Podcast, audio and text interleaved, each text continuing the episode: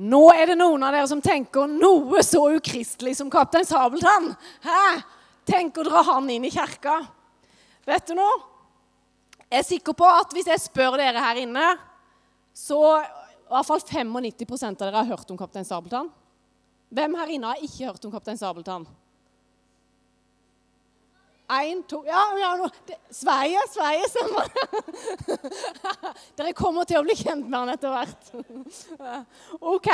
Men altså, jeg tenker Hvis du spør unger i Norge, ungdommer i Norge, så vet alle hvem kaptein Sabeltann er. Jeg tenker, Guri og de har nådd ut med sitt budskap. De vet hvem kaptein Sabeltann er, og hva han er kjent for. Tenk hadde vi spurt alle ungdom i Norge og barn i Norge hvem er Jesus? Og er Jesus kjent for? Hadde vi da fått 95% av ungenes hender og ungdommens hender i været? De har virkelig til noe med å nå ut med budskapet. Og vi har jo et mye bedre budskap å komme med. Sabeltann han er kjent for Og han kan lukte gull. Han er kjent for skattene sine og lukter gull. Men vi ønsker å presentere Jesus, presentere Gud, og er de kjent for? Dere ungdommer, jeg vet at tida deres for Kaptein Sabeltann den er over. Det vet jeg. Nei, det er noen her som liker han fortsatt. ja. Men i hvert fall, temaet i dag Temaet i dag er rett og slett skatter. Og da måtte jeg bare ha med Kaptein Sabeltann. Temaet er skatter. I Matteus 13,44 der står det det at eh, himmelriket er likt en skatt som var gjemt i en åker. En mann fant den, dekket den til igjen, og i sin glede gikk han bort og solgte alt han eide, og kjøpte åkeren. Ok, Jesus han bruker sammenligninger fra den gangens hverdagsliv. Eh, han snakker eh, om bruker bilder og et språk som eh, folk på den tida de kunne kjenne seg igjen i. Ettersom folk på den tida var jordbrukere, så var det et greit bilde å bruke, tenker jeg han tenkte. Altså Hadde det vært i dag, så hadde det kanskje vært eh, snakk om en som jobba i olja, som sto der og plutselig fant en skatt. Eller kanskje en mann i en gravemaskin som var på et jorde og gravde, og så plutselig kom han over en skatt. Men i hvert fall, da var det jordbrukere. Og eh, i lignelsen så hører vi en mann som jobba på et jorde. Han er ingen skattejeger. Han er en arbeider. Men likevel så kommer han over denne skatten på det jordet med en tilfeldighet. Jeg tenker at Tidligere, når, på den tida når Bibelen ble skrevet, så var det kanskje litt mer vanlig å gjemme skatter i jorda. Jeg ser ikke for meg at de hadde safer sånn som nå. Eller hjemme på Laurak der har vi et våpenskap der vi tar inn eh, børser og våpen. Og kanskje òg eh, Ikke at vi har så mye verdifulle ting, men eh, noe av verdiene av papirer og bilder og sånn i hvert fall, det tar vi inn i våpenskapet. Men det var dårlig med våpenskap og seifer på den tida. Derfor var det kanskje vanlig at de gravde ned skatten i jorda. Lignelsen den sier ikke noe om hvem som hadde lagt skatten i jorda, eller hvor lenge den hadde vært der.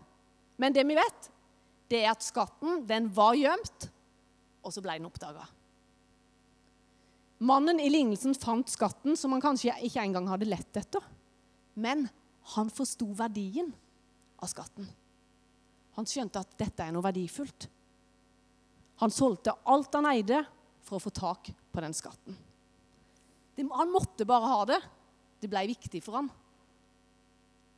Eh, jeg vet ikke om du har hørt en historie, du som har levd litt lenger enn konfirmantene. Jeg var ikke så gammel jeg heller, men i 1986 så var det en sak på nyhetene om en mann eh, i USA som heter Roy Wetstein eller noe sånt. Vidar, har du hørt om han? Vidar har ikke hørt om han. I hvert fall så var, så var han på nyhetene fordi han var steinsamler. Eh, han hadde vært på ei steinmesse eller noe i den duren. Husker det var noe av det i Norge for noen år siden, med speideren. Ja, noen nikker. Det var ei steinmesse i USA. Der var han her mannen, og han var veldig interessert i steiner selvfølgelig, siden han var på den messa var rundt og kikka og kikka på forskjellige steiner. Og så kom han i ei kasse der det lå liksom en haug med, med, steiner. Der sto det de kosta 15 dollar. Så var han der henne i den eh, kassa og kikka, og så fant han plutselig en som var litt annerledes enn de andre steinene. Den var egentlig ikke så veldig fin å se på. Den ligna rett og slett på ei potet. Sier de i Sverige? Potatis. Ikke ta det på flere språk. Kartoffel, hvis det er noe danske. Men i hvert fall så så, så han den ene steinen som var, var, litt annerledes. Men han så at den, der er noe med den steinen. Der er et eller annet med den. Eh, så gikk han hen til han som eh, eide de steinene, så sa han eh, jeg har lyst på denne her, men jeg har bare ti dollar. Men denne her steinen her, så kikka han som eide den, og så sa han ja, den er jo ikke akkurat veldig fin i forhold til de andre. Du skal få lov å få den for ti dollar. Det er helt greit. Den er jo ikke I forhold til de andre så er den ikke verdt så mye. Men han steinsamleren som kjøpte den, han ante at det var noe med den steinen. Han visste at denne steinen er det noe med. Og han var overlykkelig når han hadde fått tak i den for ti dollar.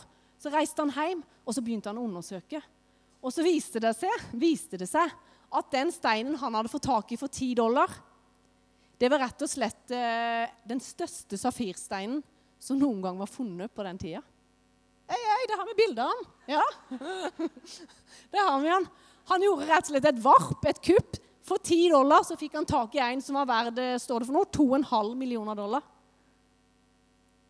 Han fant en skatt. Hæ? Ganske rått. Så har det vært noen diskusjoner i ettertid om mye den er verdt, og sånn, men det tar vi ikke nå. Men jeg tenker han gjorde et varp. Han fant skatten. Jesus han fortalte en lignelse til. Er dere klar over det? Det står ganske mye om skatter i Bibelen. Ja. Han tok en, eh, en lignelse til når han først var i gang, i Matteus. Der står det i Matteus 13.: Himmelriket er også likt en kjøpmann. Eh, når jeg har lest den, så inni mitt hode helt fra jeg var sånn liten, så når jeg leser den, så ser jeg for meg Ola Røiseland, for dere som kjenner han. da er det liksom en kjøpmann det er en som har hatt spar her nede. Ola Røiseland, kjøpmann som lette etter fine perler. Og da han fant en særlig verdifull perle, gikk han bort og solgte alt han eide, og så kjøpte han den ene perla. Jeg tenker mye i livet vårt det handler om å samle seg verdier. Vi bruker mye tanker og tid på hva er verdifullt for oss.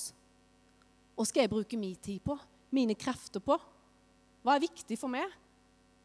Og jeg tenker, For dere konfirmanter så er det viktig å finne ut av og, og viktige verdier for meg. Hva er viktig for meg? Hva vil jeg ha i mitt liv? Hva vil jeg prioritere tid på?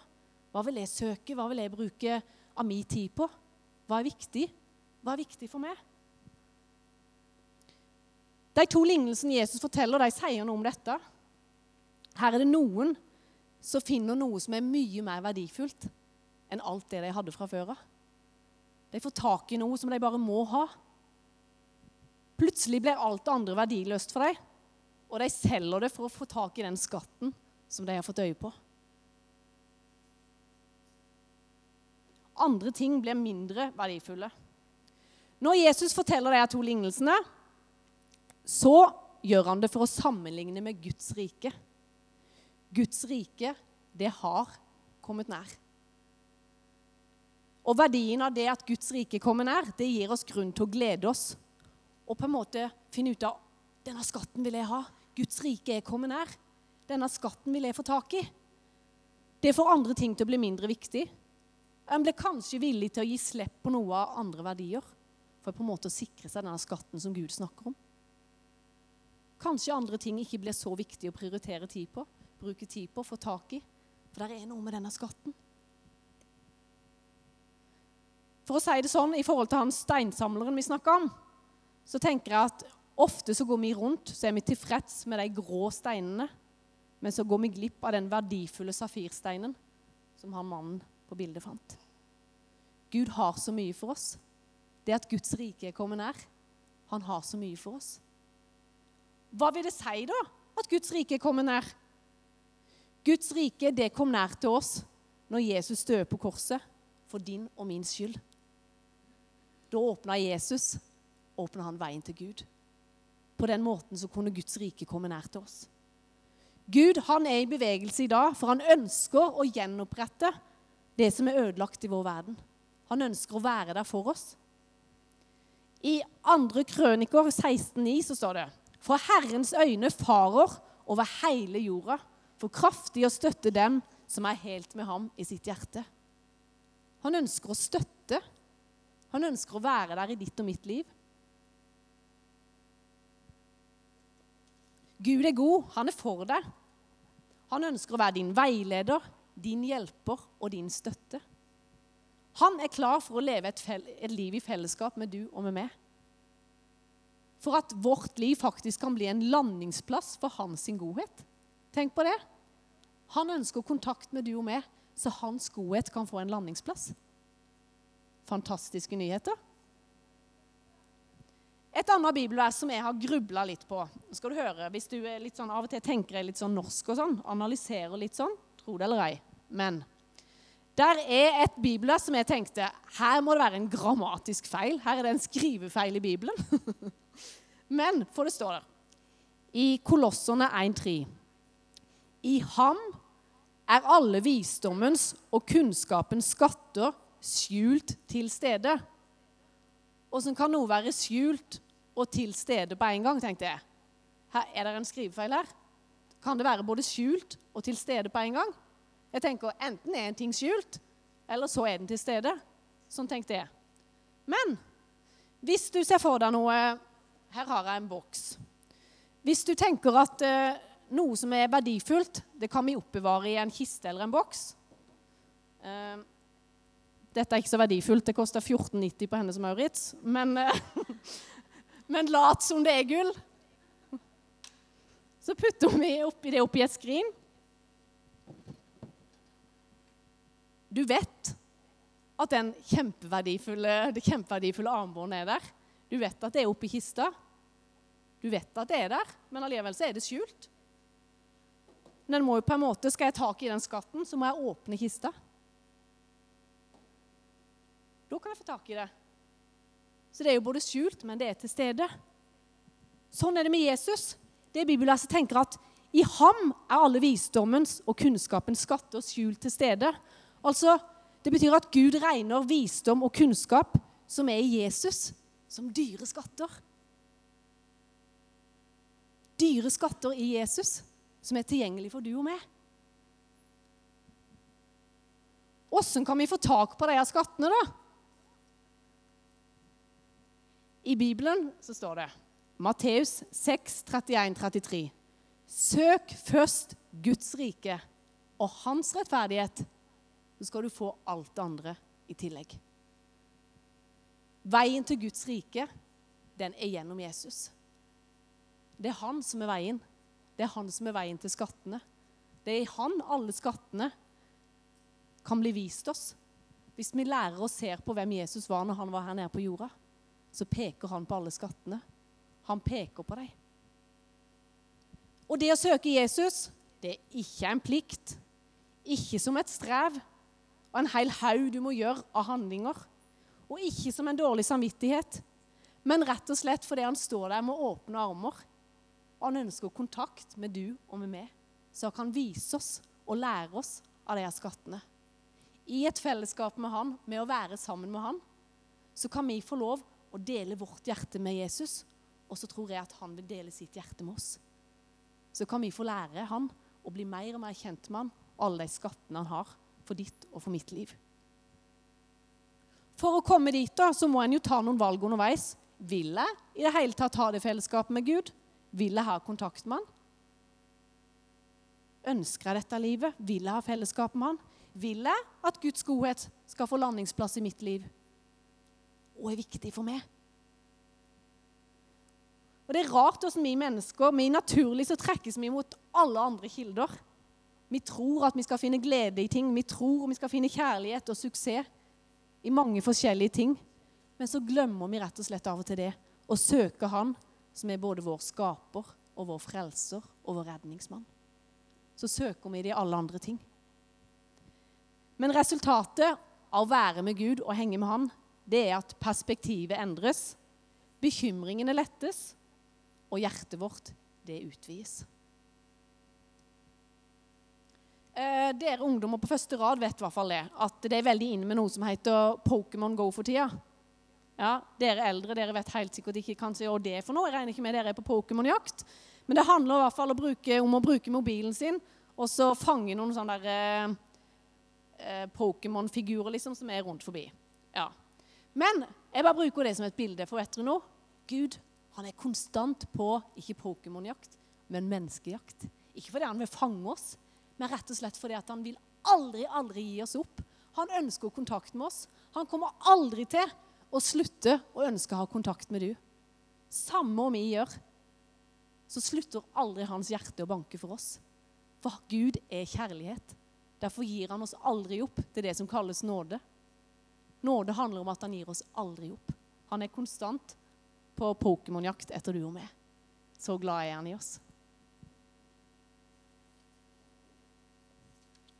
Jeg har lyst å avslutte med en film som på en måte Hva ser jeg på klokka? Som eh, forteller litt om, eh, om, Guds skatter, om Guds hjerte for du og meg. Jeg viste den for konfirmantene på eh, fredag òg, når vi hadde om temaet 'Gud vet alt om det'. Men eh, jeg vil sette den på nå til slutt. Så vil jeg at eh, du tenker over at når du ser denne, så er det skatter fra Bibelen. Det er skatter om Guds tanke for du. Åssen Gud ser på du. Åssen Gud lengter etter du. Fordi han bryr seg om det. Før den kommer på, så må jeg bare lese opp et bibelvers. For når jeg forberedte meg i dag, så er det sånn at av og til så kan Gud komme med tanker eller bilder eller forskjellige ting som man kan minne mennesker på. Og i dag når jeg forberedte meg, så var det et bibelvers som kom veldig for meg. Og jeg vet ikke kan, Jeg tror kanskje at det er til en av dere her inne. Men jeg leser det bare opp, og hvis noen av dere kjenner at den trengte det, så kanskje det er en liten hilsen fra Gud til en av dere her inne.